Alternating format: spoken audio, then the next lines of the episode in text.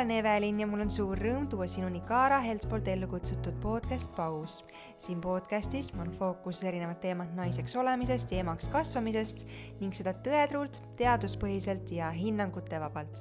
Helen räägib tänases saates oma kirest, innovaatilisest lähenemisest ilumaailmas, seda saatva ettevõtlusteekonna võludest ja väljakutsetest pere ja tööelu tasakaalust, stressist ja keemiast meie ümber ning sellest, kuidas me viiskümmend aastat päris paljut valesti oleme teinud.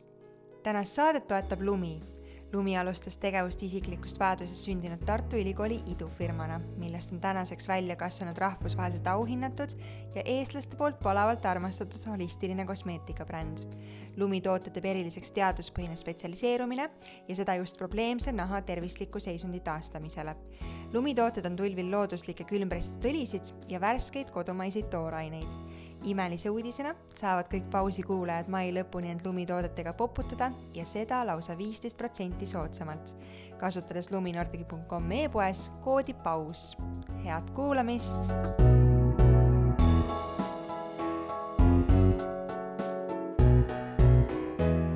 tere, Helen! tere! sa oled äh, kahe lapse ema, ettevõtja ja võib-olla kui äh, kuulajatele äkki su nimi ei ütle midagi, siis ma arvan, bränd, mille taga sa seisad ja millega sa toimetad, äh, ütleb küll paljudele väga paljut. lumi on ilmselt see, mis on tuttav kuulajatele. meie tänase saate fookuses on rääkida emadusest ja ettevõtlusest ja nende kahe vahel tasakaalu loomisest. aga kuna ma saan aru, et emadus just andis tõuke äh, lumi loomisele, siis võib-olla alustame emaks saamisest. Oli see sinu jaoks äh, ootuspärane start, oli see lihtne, raske, väljakutsuv, kuidas sa seda kirjeldaksid uh,?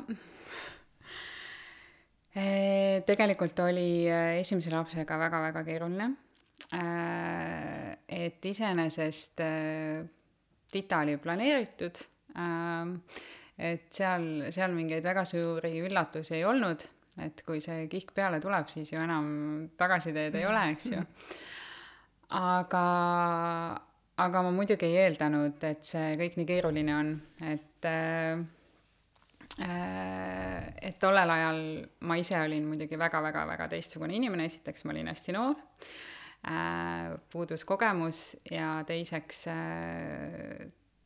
noh, ilmselt väga paljud, kes on emaks saanud, siis, siis see emaks saamine tegelikult ongi su, üks suur äh, muutuste tee algus äh,, kus äh, kõik su maailmavaade ja, ja kõik nagu muutub asjadele, et sinnamaani ma arvan, ma olin suht selline tavaline Harju keskmine Eesti naine. tead, ma tihti mõtlen sellele, mul on kodus see üheksakuune äh, ja ma olen seda varem öelnud nagu enne emaks saamist mingite asjade kohta, et kui me tutvusime sinuga kaks aastat tagasi, siis palun lase ma tutvustan ennast uuesti, aga nüüd emana ma tahaks iga päev seda öelda, sest ma tunnen ise, et minu väärtused, hinnangud, soovid, ootused elule äh,, unistused on nii palju muutunud, kaasa arvatud, ja see kõik on mind ennast inimesena muutnud et ma saan väga hästi aru, mis sa mõtled selle all. aga sa ütlesid seda, et,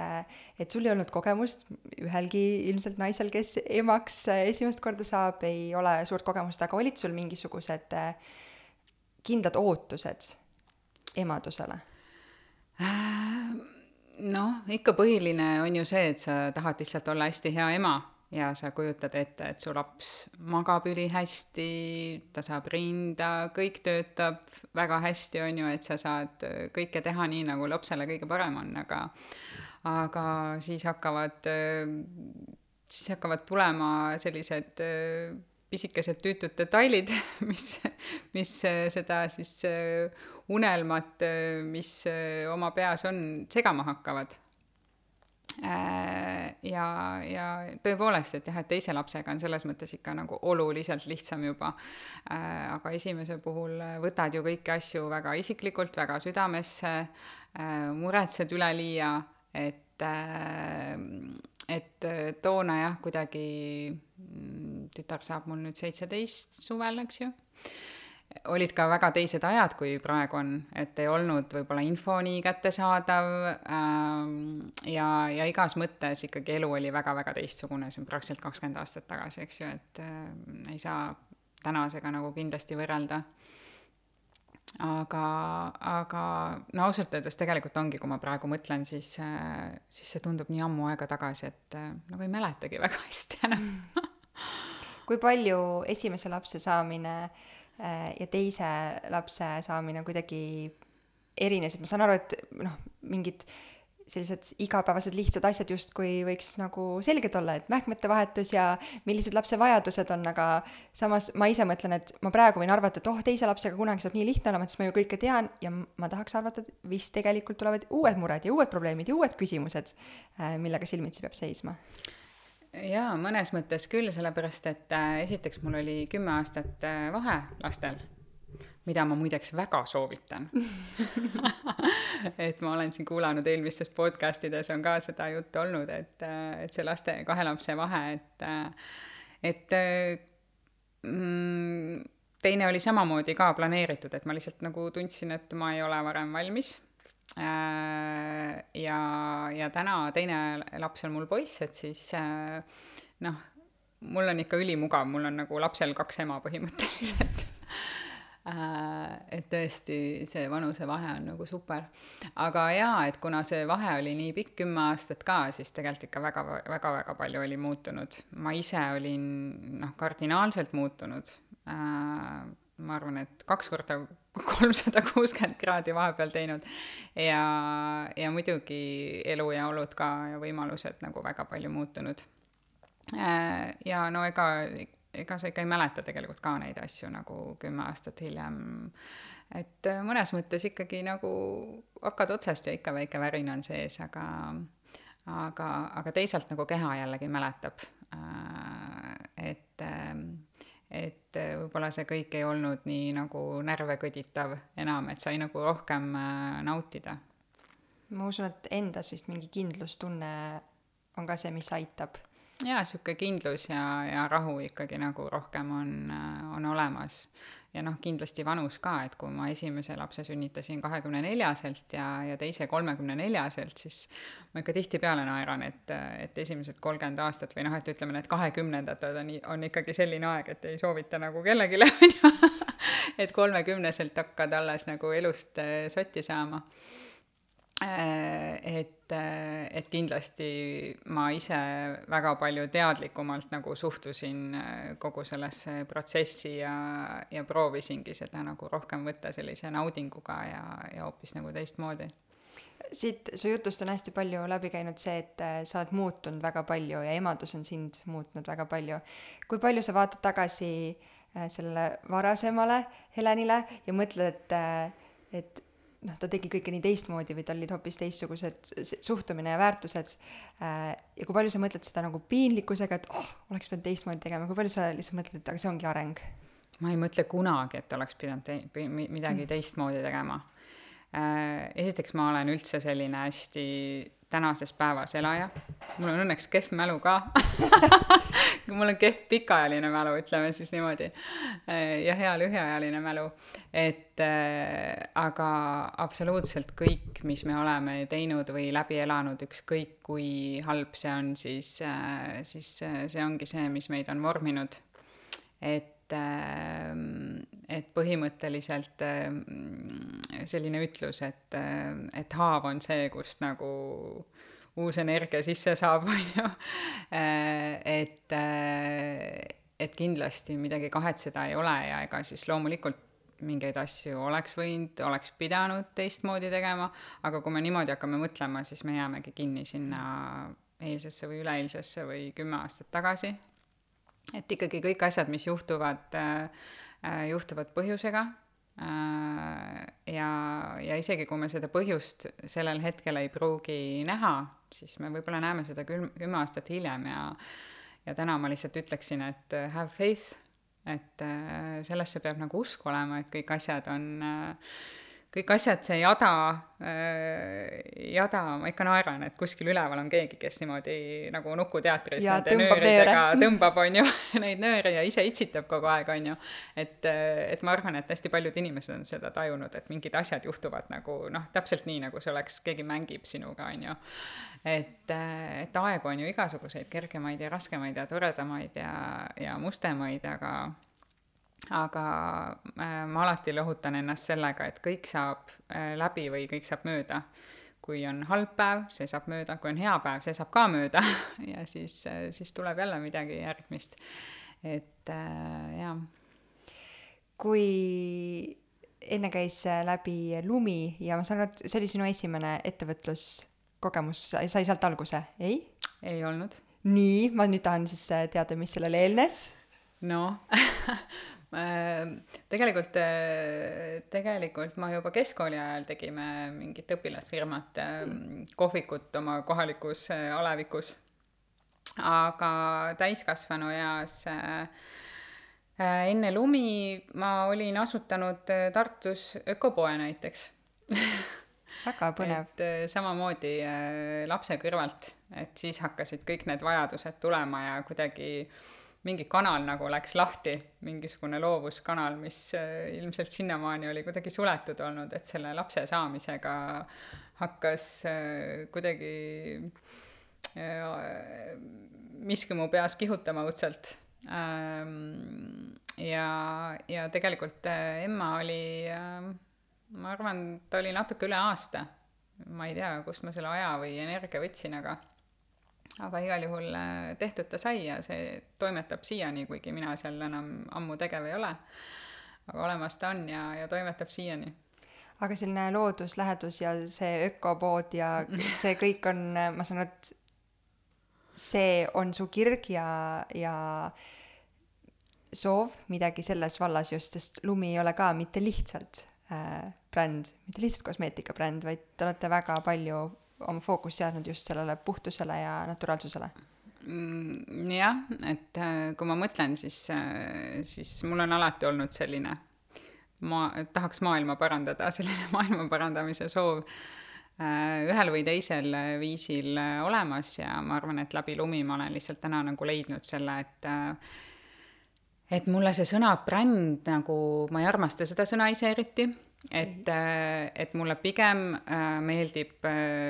lumist mõelda täna kui sellisest liikumisest või meetodist, et me tegelikult, me tegelikult nimetamegi lumimeetodiks siis kui sa hooldad oma nahka ainult lumitoodetega, on ju, et ma ei ole ka üldse nagu seda meelt, et võtan ühe brändi, võtan teise, segan kõik kokku ja siis on okei okay., et tegelikult nagu ei ole, et, et see, et seesama selline, et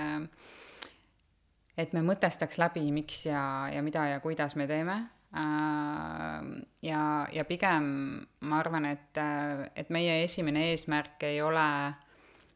ei ole mitte müüa tooteid või lihtsalt pakkuda tooteid, et proovi, noh, ja siis võta seda, võta toda, on ju, ja et, et kõik on okei okay,, on ju, võid ju kasutada võid ju kasutada läbisegi ja proovida erinevaid, seda nagunii inimesed teevad ja see on okei okay,, aga et, et me pigem tahaks tahaks tuua tähelepanu sinna, et mis asi see nahk ja nahahooldus üldse on. et äh, mina täna täiesti sirge seljaga istun siin ja väidan, et me oleme teinud viiskümmend aastat kõike valesti.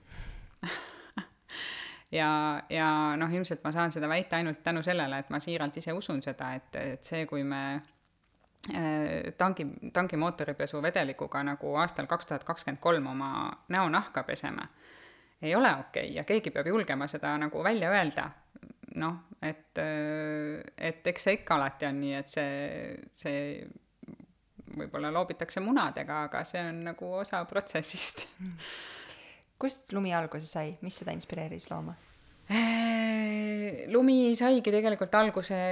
minu esimese tütre sünnist, kellel siis väike lapse eas teatud hetkel avaldus dermatiit Neile, kes ei tea, mis on dermatiit, võid sa selgitada lühidalt? Nagu ma siin enne saadet juba siis ütlesin ka, et meile tuleb klientidelt kirju, et mul on lapsel dermatiit nagu ikka, et äh, tänaseks on see siis nagu ülilevinud äh, ekseem äh, haigus nahal. Äh,, millele tollel ajal, kui lumi alustas, siis äh,, siis tegelikult oli äh,, oli arstide seisukoht, et äh, selle põhjust ei teata jällegi mina sirge seljaga nagu täna väidan, et, et see on nagu seotud väga tugevalt toiduga ikkagi mm,. Äh, nüüd tegelikult siis vaikselt hakkab nagu see info juba teadvusesse jõudma, äh, ütleme siis massidesse ka äh, aga alguses oli seda nagu hästi raske selgeks teha, et mina ise uskusin seda kogu aeg ja, ja tegelikult see Äh, mikrobiomi teema on, äh, on äh, kindlasti üks minu südamelähedasemaid, et kui me räägime mikrobiomist, siis, siis ma ei pea silmas ainult soolestikus toimuvat, vaid samamoodi nahal on mikrobioom, need on omavahel seotud, need omavahel suhtlevad. Äh, et igasuguseid huvitavaid uuringuid on olemas, et mitte ainult see, et kui sa sööd midagi, see mõjutab su nahka, vaid tegelikult ka vastupidi, et kui sa määrid midagi äh, nahale, siis, äh, siis see mõjutab sinu organismi ka ka seestpoolt, et Soomes näiteks on tehtud üks uuring, et mudas teatavasti on probiootikumid või head bakterid mm, -hmm. et kui seda määriti nahale, siis see suutis mõjutada äh, meie soolestiku mikrofloorat mm,. et kujutage nüüd ette kõik see, mida me nahale paneme, et äh, ühel allergiakonverentsil äh, Malmos äh, isegi mina olin üllatunud, kui äh,, kui äh, üks lektor ütles, et me puutume iga päev kokku circa viie tuhande kemikaaliga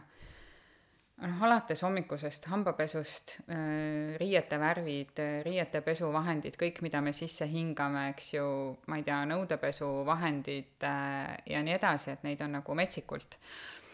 ja meie organism peab sellega kogu aeg äh, kasvavalt nagu hakkama saama ja sellest ka siis need allergilised reaktsioonid. ja, ja tõesti täna, et kui siin ütleme, Äh, kümme aastat tagasi äh, see dermatiit äh, ei olnud võib-olla veel nii levinud, siis, siis täna on ikkagi praktiliselt, ma ei tea, iga, igal lapsel kusagil mingil määral. ja me peame tegelikult seda põhjust ikkagi otsima mujalt ja me peame aru saama, et ainult nahale kreemi määrimine ei ole lahendus, et nahk tuleb sulle ütlema, et hallo, midagi on valesti, võta midagi ette aga, aga mida me siis teeme, et me siis ainult nagu tegeleme selle välispidisega, eks ju. aga toona, toona siis ähm,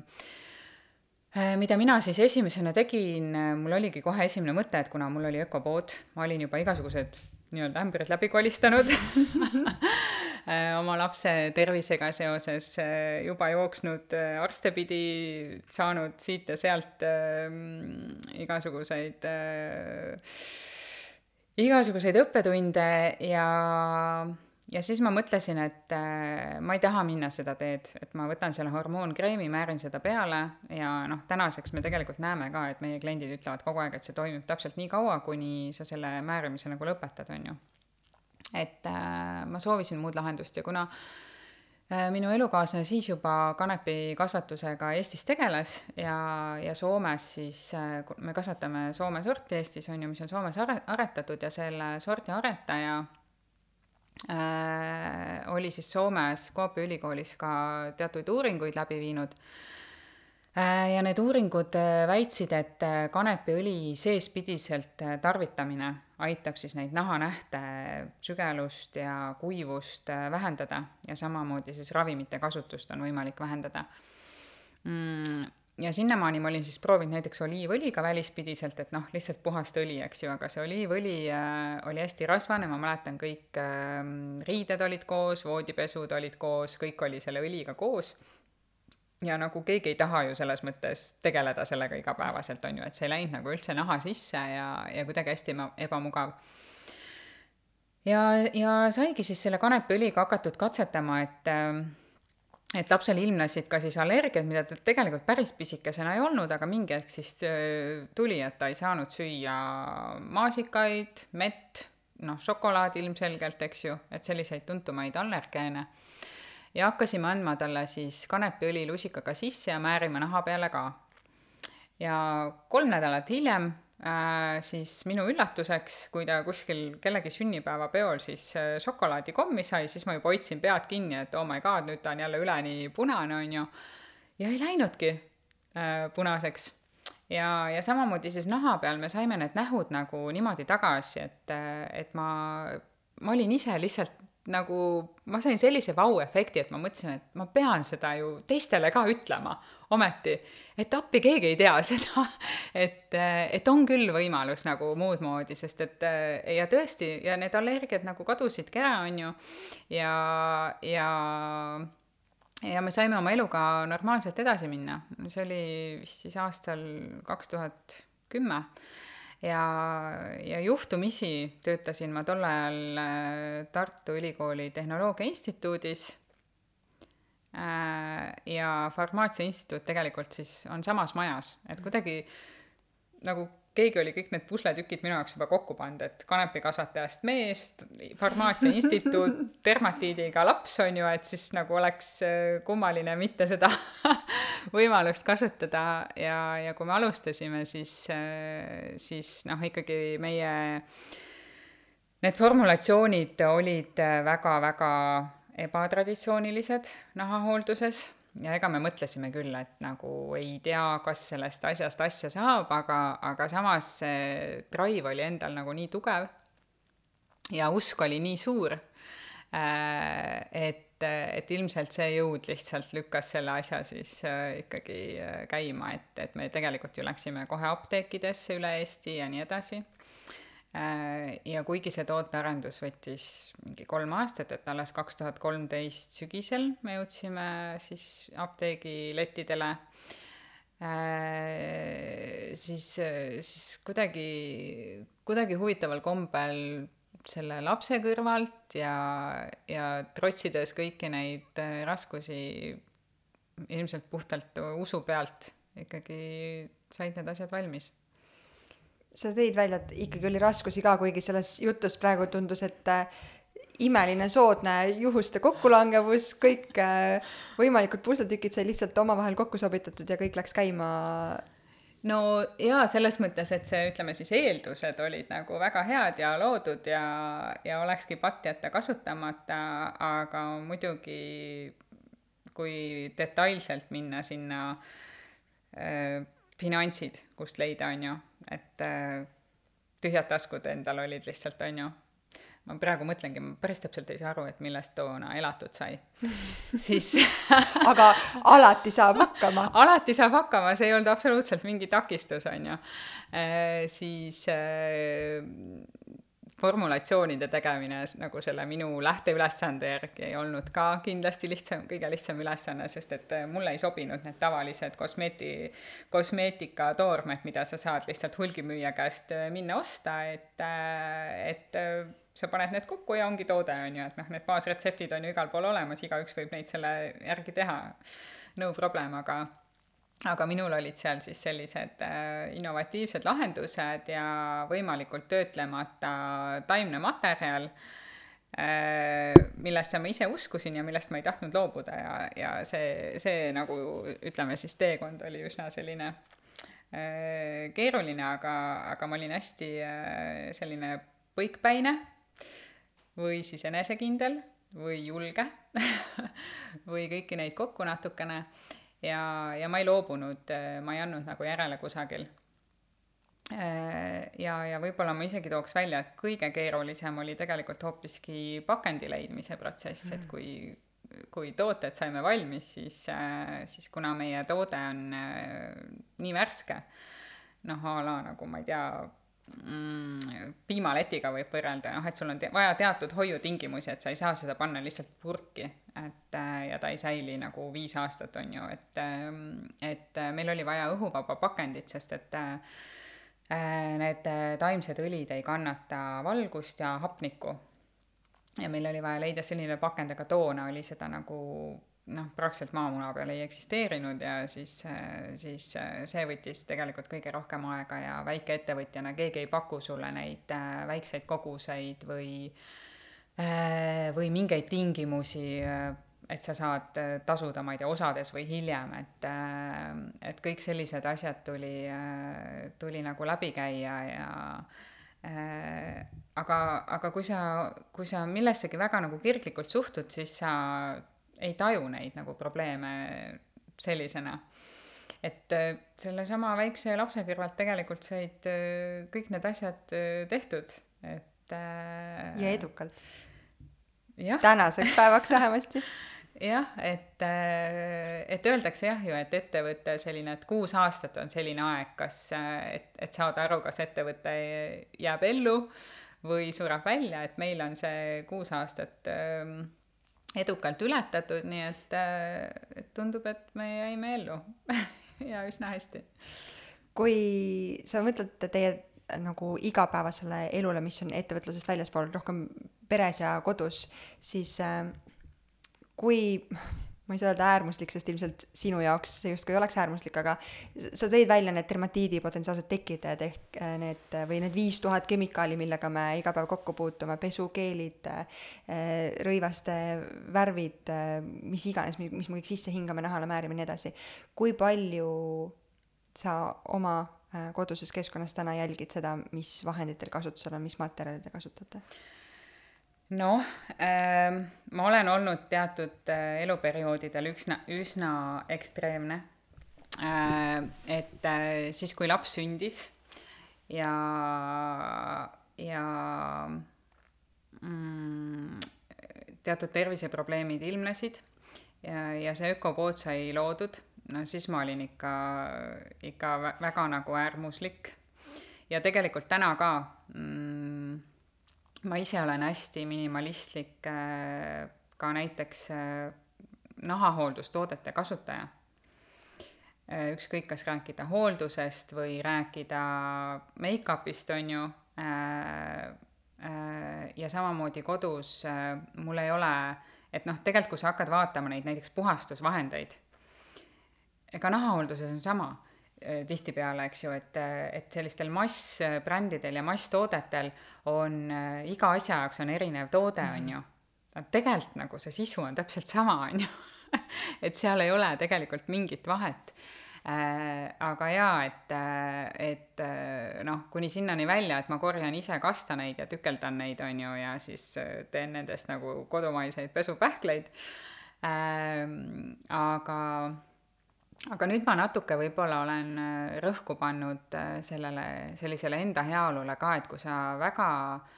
väga äärmustesse lähed ja, ja siis sa lihtsalt tekitad endale stressi, sest et sa ei saa ära elimineerida nagu kõiki neid asju. et, äh, et tänaseks ma võib-olla olen fookusesse võtnud selle inimese enda mikrobiomi, et põhimõtteliselt kui meie äh, mikrobioom, mis on inimese organismi alustala, on tugev, siis me suudame ka nende väliste ärritajatega saada hakkama, et me ei suuda neid vältida nagu igal juhul, et see tähendabki seda, et te kõik peaksite metsas elama nagu mina mis kõlab muidu väga hästi, ma pean tunnistama. Äh, jah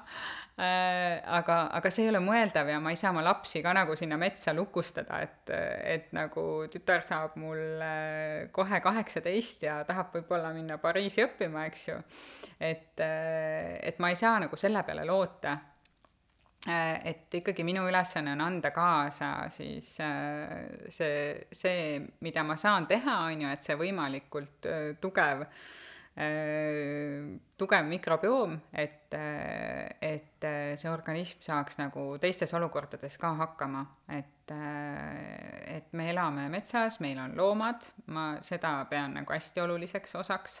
et see, et kui mul on valida, kas mul on kodu, kus on kassi ja koera karvad või siis piinlikult puhas kodu, mida, mille põrandat pestakse kaks korda päevas mingi kange pesuvahendiga, siis ma ilmtingimata valin esimese varia-, variandi, sest see kõik on mikrobiomile ülioluline. Ja tänaseks on tegelikult nii kurb, kui see ka ei ole, on kindlaks tehtud, et meie äh, mikrobioom võrreldes meie ütleme seal vanavanematega on äh, nagu väga oluliselt halvemas olukorras, et see bakterite küsimus ei olegi võib-olla bakterite hulgas, vaid selles mitmekesisuses, kui palju meil on erinevaid äh, baktereid, et just lugesin siin ka kuskil oli, et neerukivid näiteks on on hoopis mikrobiomi puudulikkus, et kui sul teatud bakteri perekond puudub, siis, siis sa saad neerukivid, aga kui sul need on olemas, siis sa neid ei saa et, äh, et seda teemat ju nüüd alles ikkagi hakatakse äh, põhjalikumalt, äh, no see on nii huvitav, et sellest võiks põhimõtteliselt öid ja päevi siin rääkida, on ju, meil selleks ei ole nii palju aega, aga, aga jaa, et ma täna olen seda meelt, et, et ma pigem mõtlen, kuidas, kuidas ähm, kohandada siis neid lapsi ka tulevases äh, elus, kui nad on suured ja et nad peavad ise hakkama saama. et äh, tegelikult küsimus oli selles, kas sul on kodus puhastusvahendeid ja ma räägin siin juba jumal teab millest. aga sind on väga põnev kuulata. aga, aga jaa, ei, et, et äh, tegelikult mul ongi mingi a la üks puhastusvahend ja mingi äädikas ja sidrunimahl ja sooda, on ju, ja, ja tegelikult ei ole neid asju vaja, et seesama, see ületarbimine see on metsik nagu igas valdkonnas see on ilmselt rahakotile ka päris äh, palju sõbralikum lahendus. absoluutselt ja, ja tegelikult ongi, et noh, et äh, see on äh, ka nii stressi tekitav, kui sa pead neid kõiki ju kogu aeg nagu kasutama, on ju, et siis ma peaksin ilmselt kakskümmend neli seitse ainult mingi lapiga kodus ringi lendama, on ju. ja siis neid on vaja kuskil hoiustada ja need võtavad ruumi. absoluutselt, et, et jaa, et tegelikult, et kui sa hakkad süvenema ja vaatad neid koostisi, siis tegelikult on näha, et seal ei ole midagi erilist ja näiteks ökopoest ka, et äh, vahel ma olen nagu mugav, et okei okay,, ma võtan või et oh, nii äge, et ma ostan selle keraamelise pliidipuhastusvahendi, on ju. et noh, see on asi, mida ma suudan endale nagu õigustada, aga kui ma muidu vaatan, et noh, ostaks selle, et ah, mingi äge tualetipuhastusvahend on ju äädikaga, siis ma vaatan, et okei okay,, ma võin ju kodus lihtsalt seda äädikat ise ka sinna vetsupotti kallata ja seda soodata, on ju. et tegelikult need on nagu samad asjad või et panen selle, kui tahan apelsinilõhna, siis panen seda apelsini eterlikku õli lisaks sinna, on ju et äh, aga noh, teistpidi ongi arusaadav see, et kõiki asju me ilmselgelt kodus teha ei, äh, ei jõua, on ju, et, äh, et äh, mingeid valmistooteid on vaja, aga lihtsalt, et küsimus, kas neid kõiki on vaja, et enne kui me järgmise endale juurde soetame, siis tasub korraks mõelda, et ja vaadata, et võib-olla selle koostis on täpselt sama, mis on sellel teisel puhastusvahendil, mis mul juba kodus on olemas. see on, see on hästi põnev aspekt, mille sa tõid äh, siia juttu, et äh, ma tunnen, et võib-olla kui väikeste laste vanemad suudavad koduses keskkonnas veel kontrollida kuidagi seda, äh, millised vahendid on kasutusel, mida me sööme äh, või mida lapsed söövad, siis üks hetk need tibud lähevad kodust eemale ja lähevad oma seltskondadesse, oma keskkondadesse ja kasvõi ma ei tea, lähevad kooli ja mm -hmm. nihivad oma küünarvartega selle laua vastas, mida võib-olla on siis puhastatud äh, mitte nii loodusliku vahendiga ja siis on noh, ketendab ja on punane, et siis me ei saa nagu piinlikult puhtas keskkonnas ka lapsi hoida, eks? ei saa ja veel vähem me saame sellepärast siis äh, ennast süüdi tunda või mm. stressata tohutult, sest et äh, sellega me teeme endale palju rohkem halba, kui mis iganes see mitte ökopuhastusvahend võiks teha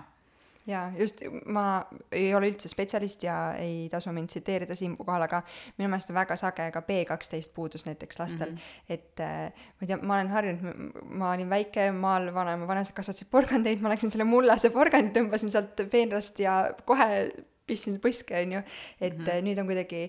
ilmselgelt sõltub, kust see porgand tuleb, aga et, et piinlikult peseme puhtaks, peseme igaks juhuks veel mingi vahendiga puhtaks, siis koorime kõik äh, selle sealt äh, maha ja mm -hmm. kui ma ei eksi, siis B kaksteist on see, mis me üldjuhul kuskilt mullast äh, saame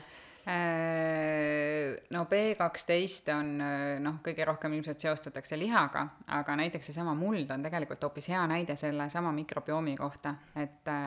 mullas on väga palju kasulikke baktereid et,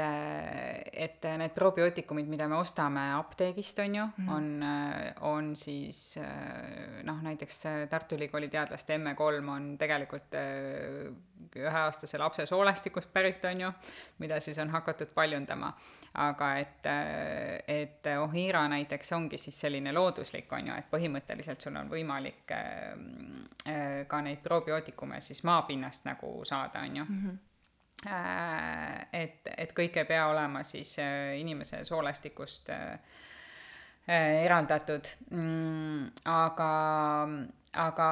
tõepoolest see, ma pigem täna leian, et me hoolitseme oma laste eest üle äh, mingis mõttes ja ma leian, et meil on hästi palju ekstreemsus, mitte ekstreemsusi, vaid äärmusi nagu selles mõttes, et, et on vanemad, kes hoolitsevad üle äh,, äh,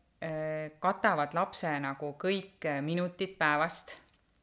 Äh, ja siis nad on ka ülestimuleeritud, sest neil on nagu kool lõpeb, siis neil on kohe laulutund, siis neil on kohe ba-, balletitund, siis neil tuleb otsa kergejõustikutund, on ju, siis nad kodus peavad õppima. Neil on kõik minutid päevast nagu ära planeeritud ja sellel lapsel polegi aega olla üldse laps, on ju Äh,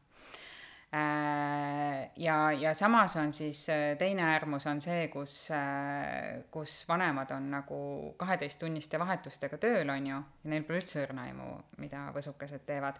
et kui me siia sõitsime, siis me tegelikult rääkisime ühest huvitavast podcast'ist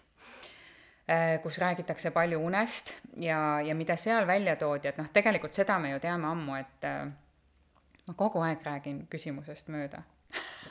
räägi, sind on väga põnev kuulata. ja mulle väga meeldib, kuhu need teemad ise siin kannavad meid. et, et, et mina olen alati olnud nagu, ma ei, ma ei suutnud ise kooli ajal ärgata äh,. hästi vara oli vaja ju nõukaajal minna, eks ju, bussi peale ja sõita sinna lähimasse kuhugi Alevisse kooli ja, ja täna ma nagu näen ka, et kui väsinud lapsed on kevadeti koolilapsed ja tegelikult me teame, et uuringud ütlevad, et lapse aju ei ole võimeline enne kümmet hommikul põhimõtteliselt üldse midagi vastu võtma, eks ju. Äh, miskipärast seda täna ei arvestata endiselt ja tunnid hakkavad ikka meil kell kaheksa, on ju Ähm, aga siis noh, rääkisime siin enne saadet ka sellest teismeliste unetsüklist, mis on nagu hilisem, et teismelise äh, aju nagu nii-öelda uinubki hiljem ja, ja hommikul ta peaks ka saama siis äh, kauem magada, et üldse see loovus nagu äh, temas areneks, et just see hommikune uni on hästi oluline. aga teisalt siis toodi seal välja, et seda nimi-, nimetati vist criminal window, et kolmest kuueni päeval on, äh, toimub kõige rohkem äh, selliste siis nagu teismeliste mingeid kuritegevusi ja õnnetusi, on äh, siis Ameerikas kuskil tehtud uuring, et see on tegelikult see aeg siis, et me saadame need lapsed hommikul vara kooli ärkame ise üles, ajame nemad üles, siis kaanime seda kohvi, et üleval püsida, on ju. siis nad on seal koolis uimased, õpetajad on hädas, et nad hommikul midagi aru ei saa, on ju. ja siis samas äh, nende koolipäev siis lõpeb, on ju, noh, olenevalt siis, mis klassis on, on ju, aga tavaliselt siis see kolmest kuueni on see aeg, kus see tegelikult see nagu aju on neil kõige aktiivsem aga siis neil ei ole seda enam kuhugi rakendada koolitundides, vaid siis neil on igav ja siis nad hakkavad igasugust äh, tootma igasuguseid nagu lollusi, lollusi on ju. Äh, ja, ja siis nad vedelevad kuskil kaubanduskeskustes ja mitte keegi ei tea, kus nad on ja mis nad teevad, versus see, et nad saaksid hommikul ennast välja magada nende aju saaks normaalselt areneda. Äh, ja siis nad läheks võib-olla kümneks kooli ja lõpetakski kell neli või viis nagu meie ja siis me saame koos koju minna ja me tegelikult kogu aeg teame, kus me laps on ja mis ta teeb, on ju. Ma saan aru, et sinu kodus või teie kodus kell kaheksa hommikul pannkoogilõhna peale lapsi toast, voodist välja ei aeta? ei see võib juhtuda, aga sellisel juhul on pannkoogid teinud minu tütar ja, ja mina olen üldiselt suht viimane, kes nagu alla jõuab. et, et ma olen alati olnud selline hommikune magaja ja, ja mulle tundub, et et, et jällegi seal, seal podcast'is nagu räägiti ka, et, et see inimene, kes, kes ei ole nii-öelda hommikuinimene, et ja mõni väidab, et seda saab treenida ja kindlasti saabki aga ilmselt ikkagi looduse poolt on see osadele inimestele sätitud ka niimoodi, et,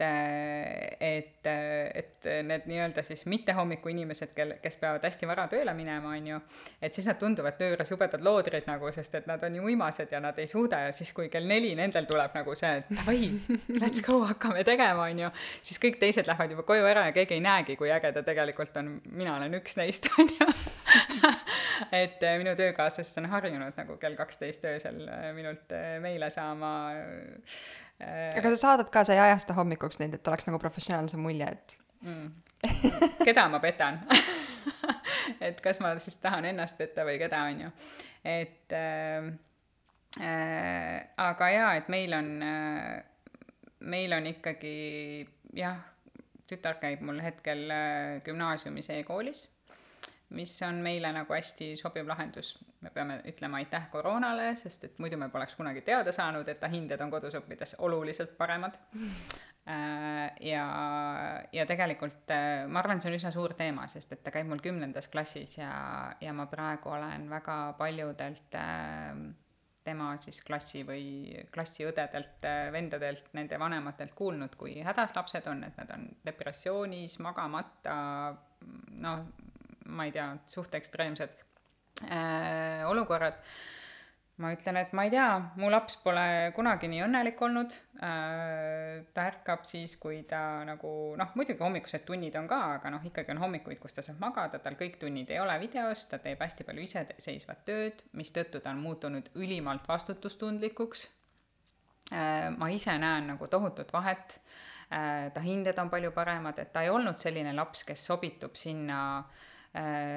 sellesse kasti, äh, et sa hommikul kell kaheksa pead olema hästi nagu juba virge, on ju, siis sa pead äh, suutma keskenduda, kui klassis kõik karjuvad, on ju, siis sa pead olema sama kiire kui kõik teised, et ta vajab nagu vaikust, ta vajab keskendumiseks aega ja nüüd ta saab seda kodus teha ja see on täiesti drastiline vahe, et muidu ta oli selline äh, Äh, no venitas neid neljasid kuidagi välja, nüüd ta on põhimõtteliselt viieline ja ta on ülitubli, ta käib mul veel äh, lumis tööl selle kõrvalt ja ta on ise, kui ta kevadeti muidu oli nagu laip, siis ta nüüd on nagu täisefektiivne, on ju, et äh, äh et no inimesed on erinevad ja, ja ma arvan, et, et seda lihtsalt tuleks, tuleks aktsepteerida ja arvestada ja ja toetada seda. ja toetada, just, ja lapsed samamoodi, et see ei ole nagu see, et aa, et ta on nii laisk, et ta ei viitsi hommikul ärgata, see ei pruugi see olla. et, et sa võid teda nagu eluaeg peksta sealt voodist välja ja ta on lihtsalt õnnetu, on ju. et, et ikkagi eelkõige on see, et mis siis on, meil kõigil on oma vead nagu, et kes tahab hommikul magada, kes ei taha õhtul minna magama, on ju noh, ilmselgelt me patustame toiduga, et see ei ole nüüd nii see, et me sööme kodus ainult mingi Paide pukk. mul jutust jäi küll tunne, et ei, ei, ei, ei, absoluutselt mitte. ma olen ise õudne toidunautleja, on ju, aga et selles mõttes, et ma ikkagi püüan nii, et mul, äh, et mul äh, materjal, millest ma toitu teen, on maksimaalselt äh, öko, et ma ikkagi väga, väga tihti ostan ökopoodidest kõiki asju ja, ja loomulikult äh, ikka käin tavapoes ka ja, ja selles mõttes, et see selline äärmuslikkus, ma lihtsalt ühel hetkel tundsin, et see on mulle endale nii kurnav, et ma teen sellega nagu endale liiga ja teistele ka ja täpselt nagu sa ütlesid, et ma ei saa nagu äh, lasteaias ja koolis ja igal pool tagada sedasama, et, äh, et ühel hetkel sa lihtsalt pead mingitest asjadest lahti laskma, et sa ei suuda kontrollida absoluutselt kõiki aspekte enda või oma laste elus? põnev. kas selleks, et see tasakaal osata leida, äh, on vaja sinu hinnangul seal äärmustes ära käia? ma ei tahaks äh, jagada võib-olla nagu mingeid selliseid juhiseid, ma arvan, et see on igaühe enda teekond. aga ma arvan, et minul oli vaja mul enne jäi kõrvu, sa ütlesid äh, ühe lause, et äh, mitukümmend aastat on oma naha eest väga valesti hoolt kantud. mida see tähendab või kuidas siis õigesti seda peaks tegema sinu arvates äh,? ma siin olen vist juba nüüd maininud seda ületarbimist äh,. me teeme seda absoluutselt kõikides valdkondades täna.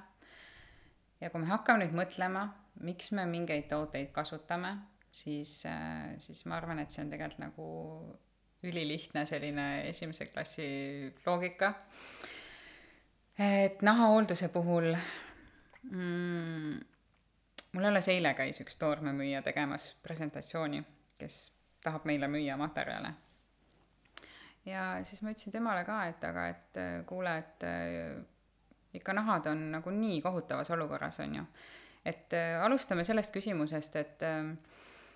meil on täna kõik saadaval, mida iganes su hing ihkab, sünteetilist loodusliku lõhnaga lõhnata naturaalse lõhnaga, sünteetilise lõhnaga, sa võid tellida Ameerikast endale nahahooldustooteid, need on, ma ei tea, nelja päevaga kohal. ma ei tea, Jaapanist, noh, absoluutselt kõik on kättesaadav. ja samal ajal pole nahad olnud mitte kunagi nii halvas olukorras kui täna. seleta mulle palun seda. Ma arvan, see selgitabki iseenda eest, kõik on olemas. jah on ju, et, et jaa, ühtepidi siis on see soolestik, millest me enne rääkisime, on ju, mis mõjutab meie nahka, aga tegelikult me ikkagi näeme seda, et see esimene asi on seesama nahahooldus. ja, ja mida me siis oleme teinud, me teeme tegelikult ju täna põhimõtteliselt asju samamoodi, nagu me tegime viiskümmend aastat tagasi et need põhilised, noh, hüaluroonhape on ju, või mingi retinool on ju, need ei ole mingid uued asjad retinooli kasutatakse seitsmekümnendatest alates. eks ju äh,. kus siin see innovatsioon on äh,? ja tegelikult äh, kaasneb sellega nii palju kõrvalmõjusid, et selle kasu ei kaalu kahju ülesse. isegi kui see äh, lühiajalisel kasutamisel alguses tundub, et oh, jube hea tulemus äh,, täna mulle kolleeg just ütles kihvti lause, et, et ükski asi, millel on kohene tulemus, on ta siis unerohi või valuvaigisti või kreem äh,, ei ole nagu usaldusväärne. Ja tegelikult see on tõsi, et sa ei saa ühtegi asja usaldada, mille tulemus sul on nagu nii-öelda kohene, on ju, sest pikaajaliselt on see äh, üldjuhul hoopis vastupidise mõjuga. Ja, ja samamoodi siis ütleme, äh, see SLS, mida ilmselt kõik teavad, mis asi on SLS tänaseks, on ju, mis endiselt on väga-väga paljudes puhastustoodetes, äh, millega me oma nahka puhastame, nägu, keha, see on loodud äh, teise maailmasõja ajal tankide mootorite pesemiseks. me peseme sellega aastal kaks tuhat kakskümmend kolm oma nägu Äh, siis me peseme sellega maha, siis me võime ette kujutada, kui kange see on, on ju. Äh, noh, muidugi kontsentratsioonid on erinevad, aga see selleks point kui selline, äh, et et me peseme oma nägu liiga palju ja liiga tihti. Ja valede vahenditega. Me peseme maha selle lipiidkihi, me peseme maha selle mikrobiomi. Äh, ja seesama, ja see toormemüüja eile ütles siis huvitaval kombel samamoodi, et we wash too much and too often. Et kui tema seda ütleb, siis kes veel, on ju. Äh, ja, ja aga see on, see on kuidagi selline, et, et justkui, et kui noh, põhimõtteliselt sama nagu põrandapesuga, on ju, et pesen seda kaks korda päevas, siis on kõik jube hästi ja kaitstud. ei ole, vastupidi et äh, lumi ei kasuta oma näopuhastuspiimades näiteks üldse surfaktante ehk neid nii-öelda puhastavaid vahendeid, me kasutame ainult taimeekstrakte ja taimeõlisid. Ja meie äh, tundraaknelisele nahale mõeldud puhastuspiim on üliefektiivne. In-, no selles mõttes, et me müüme seda juba nii palju aastaid ja inimesed ütlevad, et nad on kümme aastat käinud äh, nahaarsti juures, pole abi saanud, on ju, ja meie tootega kahe kuuga on nahk korras, on ju. ja meil ei ole seal mingeid kangeid nagu äh, puhastavaid vahendeid sees. et, et me tapame ära selle mikrobiomi selle puhastusvahendiga. ja mida me siis teeme? Siis meie nahk on, see lipiidkiht ehk see nii-öelda naha pealmine kiht on kahjustatud, mikrobioom on hävinenud, on ju, äh, samamoodi kahjustatud, ja siis me hakkame sinna peale siis äh, panema mingeid silikoone, et asendada seda kihti, mille me ise hommikul maha pesime. ei make'i sense'i ju. Et, äh, et kui me, kui me niimoodi sellele asjale hästi niimoodi lapselikult mõeldes nagu hästi lihtsaks ja, ja nagu koorime selle hästi paljaks niimoodi, on ju, siis, siis tegelikult äh, äh, ei ole sellel tegevusel mitte mingit nagu mõtet. ja te, täna me näemegi, et kui meie poole pöörduvad inimesed, kes ütlevad, et ma ei tea, et ma hakkan nelikümmend saama, ma pole kunagi midagi kasutanud, et vist nüüd peaks hakkama, nende nahad on ideaalses olukorras. Ja, ja nii on et, et me tegelikult oleme, me oleme lihtsalt äh, reklaami ohvrid. see ei tähenda seda, et me ei peaks midagi kasutama. vastupidi, looduskosmeetikas, mis täna toimub, kui palju ägedaid äh, aineid, kuidas väärindatakse äh, taimset materjali, mida leiutatakse see on top science, see on tõesti megaäge, me käime pidevalt messidel, no neid uuringuid ei ole võimalik nagu sisse imada nii palju, kui neid äh, peale tuleb. et sa pead tegema mingeid valikuid, aga see puhastus on number üks, et tihtipeale, kui kliendid meie poole pöörduvad, siis me peame ütlema, et äh, okei okay,, sellises olukorras nahaga äh, palun ära tee kaks nädalat üldse mitte midagi. palun ära pese oma nägu. ja alguses muidugi kirtsutatakse selle peale nina äh,, aga kui sul on äh, nahk punane, ärritunud, kuivab, ketendab äh, ja sa veel seda pesed, siis sa teed ainult nagu hullemaks äh, seda olukorda, eks ju. et sa pead laskma sellel nahal taastuda ja, ja meie, meie nagu see moto põhimõtteliselt ongi see tasakaal. Äh, aga seda tasakaalu selle naha hooldusega, mida siis nagu me klassikalises või nagu masstarbimise mõttes täna mõistame, ei ole võimalik äh, saavutada. Äh, et, äh, et päriselt ka me kasutame võtteid, mis on viiskümmend aastat vanad ja, ja aga toimivad? no selles mõttes, et need ei toimi, need, mida me siin kasutame, mis on see tanki mootoripesuvedelik ja siis paneme seda silikooni peale või siis ma ei tea, kasutame siis läbi, läbisegi looduslikku ja, ja ja siis miks me peame kandma seda päiksekaitsekreemi, on sellepärast, et nahad on nii äh, hävinenud äh,, et seal ei ole enam midagi muud teha, tegelikult nahk suudab äh, saada ise hakkama, vähemalt mõningase päikesekirgusega ilusti, on ju aga, ja eriti, kui on äh, rosaatsiad ja asjad, et kui mõelda, et miks seda päiksekaitsekreemi dermatoloog soovitab, sellepärast et, äh, et seda nahka ei osata saada sellisesse korda, et see suudaks ise endaga hakkama saama saada, et äh, see on ainuke asi, mida siis, äh, kuidas seda nahka, äh, kuna naha enda kaitsekihid on hävinenud, siis sa pead asendama selle millegagi. sest su nahk on paljas, on ju. ja see on massiline täna, et see ei ole ainult see ei ole enam selline probleem, et see puudutab mingit kümmet protsenti elanikkonnast, ei, see on massiline. ja siis me peamegi võtma kasutusele, et tegelikult siis meie selline missioon ongi äh, ongi hoolimata siis äh, sellest, et see võib-olla ei, ei pruugi kõigile meeldida, et me julgeme seda välja öelda, aga me peame kardinaalselt oma mõtlemist nahahoolduse osas muutma. me peame mõtlema, miks ja mida me teeme ja kuidas nahk toimib ja meie toodete ülesanne on toetada seda naha siis naturaalset toimimist. et, äh, et see mikrobioom on ikkagi number üks asi, millega tegeleda Äh, ja see ongi ilmselt ka võib-olla teema, mis meid nagu kõige enam selle nahahoolduse puhul äh, kõnetab, aga kui seda mikrobiomi seal ei ole, siis ega seal suurt midagi muud ei olegi ma tahaks uskuda, et väga paljusid kuulajaid, kui mitte kõiki, kaasa arvatud mind ennast praegu, äh, panid sa oma jutuga tõsiselt mõtlema ja, ja kõik võtavad siit midagi äh, asjalikku endaga kaasa ja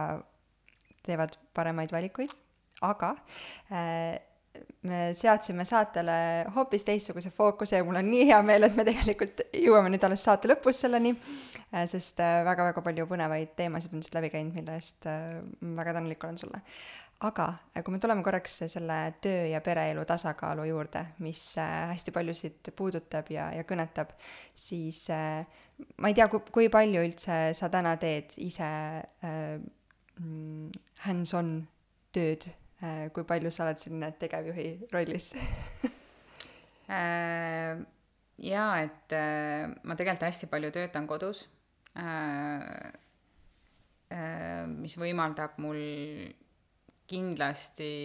olla paremas kontaktis oma lastega versus see, et ma olen kaksteist tundi kuskil ära ja tulen kell, õhtul kell üksteist, on ju. et et äh, noh, põhimõtteliselt ikkagi lapsed on mul kogu aeg silma all, loomulikult ma käin, äh, käin äh, palju ära Tallinnas ja nii edasi, välismaal samamoodi, aga, aga meie igapäevaelu ikkagi on väga ninapidi koos äh, terve perega äh,. et äh, ma arvan, et äh, et see on üks suuremaid eeliseid äh, väikeettevõtja rolli puhul minu jaoks äh,. see, see nagu vabadus ja, ja võimalus äh, lasta perel niimoodi kasvada äh,. et ma olen ikkagi, ma teen väga palju tööd ja mu kaasa heidab seda mulle tihti ette aga äh,, aga ma ise tunnen, et äh,, et tegelikult ikkagi see pere on ju olnud alati number üks prioriteet, et kui on seal küsimus, kas üks või teine, on ju, et kas ma viin, ma ei tea, lapse trenni või teen seal mingid muud asjad, siis ma alati ikkagi sätin nagu laste järgi kõik asjad põhimõtteliselt. ja, ja noh, nagu ma enne ütlesin ka, et see ei ole ainult see, et viid last ühest kohast äh, teise trenni, et siis on nagu parenting. ei ole, on ju, see ei ole parenting. Äh, et äh, aga mulle tundub, et see on minu jaoks hästi loomulikku rada läinud, sest et ma olen kuidagi järginud oma kõhutunnet, et mida ma ise elult tahan, kuidas ma tahan elada ja ja kõik see ülejäänu on, äh, on seal nagu ma ei tea, tulnud kaasa või siis kujunenud äh, koos sellega, et, äh, et võib-olla see just, et kui sa tunned, et sa ei ole nagu millegagi rahul ja miski nagu ei ole õige, siis see tunne on ikka õige. Et mina tundsin, et ma ei taha, et mulle ei sobi see palgatööl käimine nagu mingi hetk enam ja, ja et ma, et ma tahan seda oma asja ajada ja et ma kolingi sinna metsa ühest Eesti otsast teise lihtsalt Tartu linnast ära, on ju. Äh, et kõik need asjad on kuidagi kokku mänginud ja tänaseks, äh, tänaseks ma ütleks, et äh, et ma, ma ei suu-, suudakski ette kujutada, millist elu ma veel nagu võiksin tahta elada. et sest, et lapsed ühel hetkel kasvavad suureks, tohutult tööd ja kõike saab teha hiljem ka aga siis ma ilmselt kahetseksin seda, et, äh, et need lapsed ei ole nagu lapsed või, või beebid igavesti. et see tasakaal on oluline tänases hetkes, mitte see, et ma püüdlen selle poole, et ma kahekümne aasta pärast olen seal, võib-olla. Äh, et, äh, et tuleks nautida teekonda, kus iganes het-, sellel teekonnal parajasti nagu siis ollakse ja, ja see, et noh, et ma ei tea, et mul lõpeb kümne aasta pärast majalaen, et siis ma hakkan nagu paremini elama ja siis ma muretsen, ma ei tea, lähen lastega reisile ja kogun nüüd raha ja siis nad lähevad heasse kolledžisse ja nii edasi, on ju. ma nagu sellesse ei usu, ma ikkagi usun sellesse, et meil on tänane päev, praegu, see hetk ja, ja tuleb võtta sellest nende vahenditega, mis on, lihtsalt maksimumi. et, et kui on mingi soov ja tahtmine, siis tuleb need asjad nagu kohe ära teha ja need muutused äh, kohe ette võtta, et ei ole neid kuskile nagu lükata. et, äh, et ma arvan, et seda tasakaalu mul mingites teistes oludes oleks, äh, oleks ilmselt palju raskem saavutada. ma ei tea, kas sa näinud mind kuidagi hästi palju minuni jõudnud ja ma olen seda näinud väga palju või,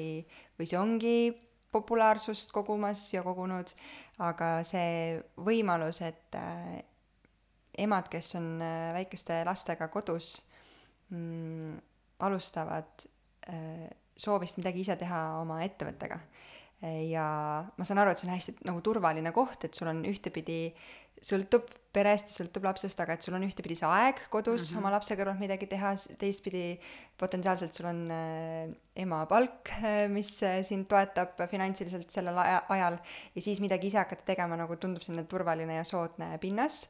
äh,. aga kas sul on mingeid konkreetseid soovitusi äh, just ettevõtlikkuse, ettevõtluse poole pealt äh, neile emadele, kes alustavad äh, või tahavad alustada ettevõtlusega? no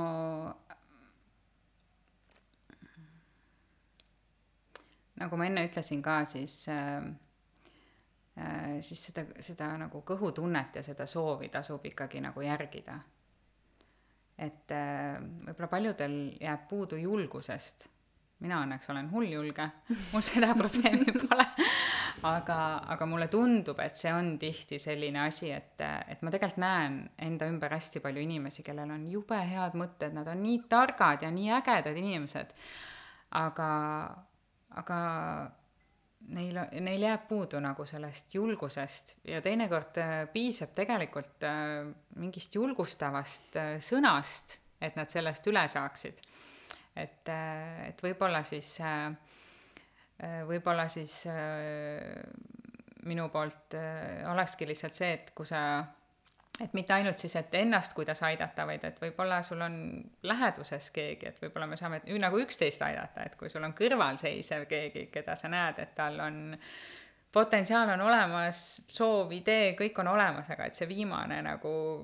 lüke on puudu, et siis äh, tunnustage ja julgustage nagu üksteist, et äh,, et äh, sellest on teinekord väga palju abi. Me saate alguses rääkisime natukene, et äh, hoolimata sellest, et äh, lumil on olnud selline lahe suur lend, siis äh, väljakutseid on ka sellel teekonnal olnud. Ja väljakutsetega ähm, kaasneb, ma tahaks arvata, et stressirikkamaid perioode. kuidas sa nendega toime tuled, on sul mingi väga kindel rutiin, mida sa püüad siis järgida või, või teed sa mingeid, ma ei tea, rituaale, et selle stressiga toime tulla? Äh, muidugi on olnud väga stressirikkaid perioode ja, ja jällegi ma täna mõtlen, et või noh, annangi endale aru, et eks ma olen täna see inimene, kes ma olen ja seal, kus ma olen tänu sellele, et need on olnud. Äh, aga äh, nendel hetkedel, kui sellega on vaja silmitsi seista, siis no rutiin ei ole minu lemmiksõna üldse, ma väga hästi ei suuda äh, nendega sõbruneda. Äh, ja eks ma olen ka proovinud igasuguseid asju. Äh, kõik need eneseabi tänapäeva, mida kõike pakutakse, eks ju, et, et mõni töötab paremini, mõni töötab halvemini mm,. aga ma arvan, et see ongi kombo asjadest jällegi, kus tuleb leida selline enda, mis sind nagu tasakaalu aitab viia. et, et selliste väga keeruliste perioodide ajal on, on ikkagi hea, kui sul on keegi, kes on abiks, et minu puhul kindlasti minu kaasa oli mulle suureks toeks. Ja noh, kuna tema valdkond on ka äh, kanep, siis, äh, äh, siis noh, meil on nagu selles mõttes jube mugav, et, et mina varustan kodus nahahooldustoodetega ja temal on siis kannabinoidide baasil sellised CBD tilgad, on ju ja nii me siis toetame seal üksteist. mina kreemitan tema nägu ja tema tilgutab mulle tilkasid suhu, kas mul on vaja keskenduda või mul on vaja uinuda või rahuneda, siis, siis kõik on kaetud. et ja nali naljaks, et midagi, millegi narkootilisega ei tegele, aga, aga põhimõtteliselt äh, põhimõtteliselt me oleme ikkagi ise loonud endale kõik nagu sellised eneseabivahendid, millega me saame aidata ennast ja proovime siis teisi ka aidata aga ma saan aru, et äh, su läbiv, ma ei tea, kas moto või, või sinu suhtumine üleüldiselt elus on lihtsus ja sa vist ise ütlesid ka, et sa oled küllaltki minimalistlik oma valikutes. Äh, jaa, selles mõttes, et selline back to basics, ma arvan, on, äh, on üks, sest et meil on olnud, ähm, inimkond on olnud väga tark aastasadu ja tuhandeid et äh, see, et me nüüd teeme mingeid asju ja, ja me kogu aeg otsime mingeid uusi lahendusi, mulle õudselt meeldib üks äh, ühe brändi slogan, mida ma kuskil reisides nägin. Mm, see kõlas niimoodi. It's so simple it takes an engineer to do it.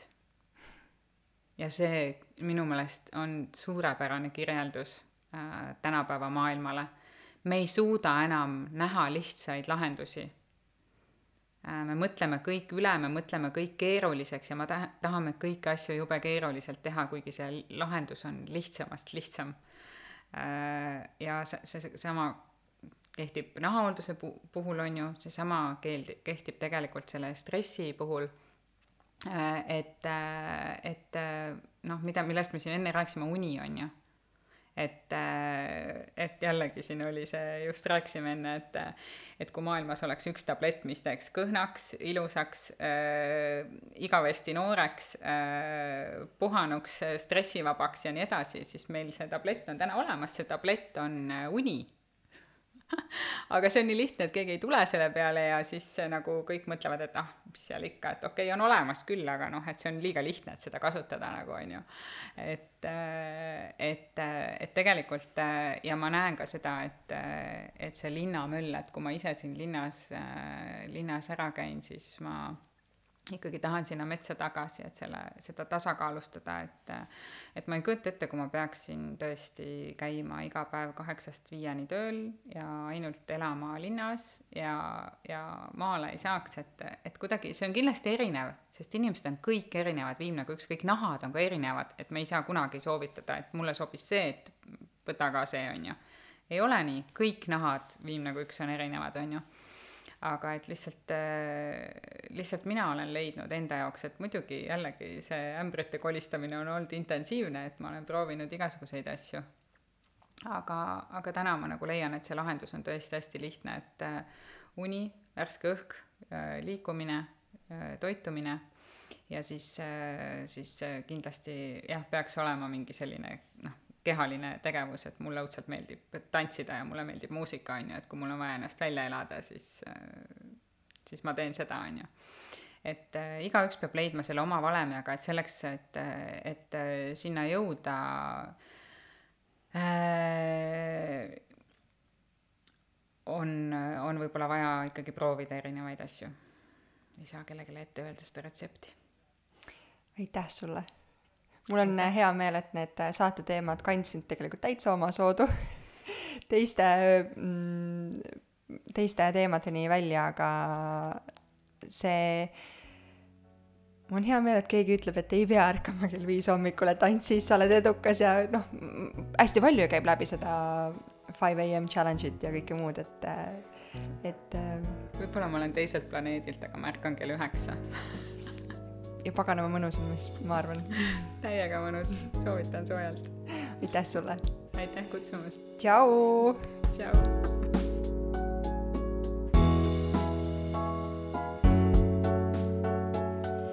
saate toob sinuni Kaara, naiste tervise ja heaolu edendaja rasedus- ning emadusperioodil. vaata lähemalt kaarahelts.io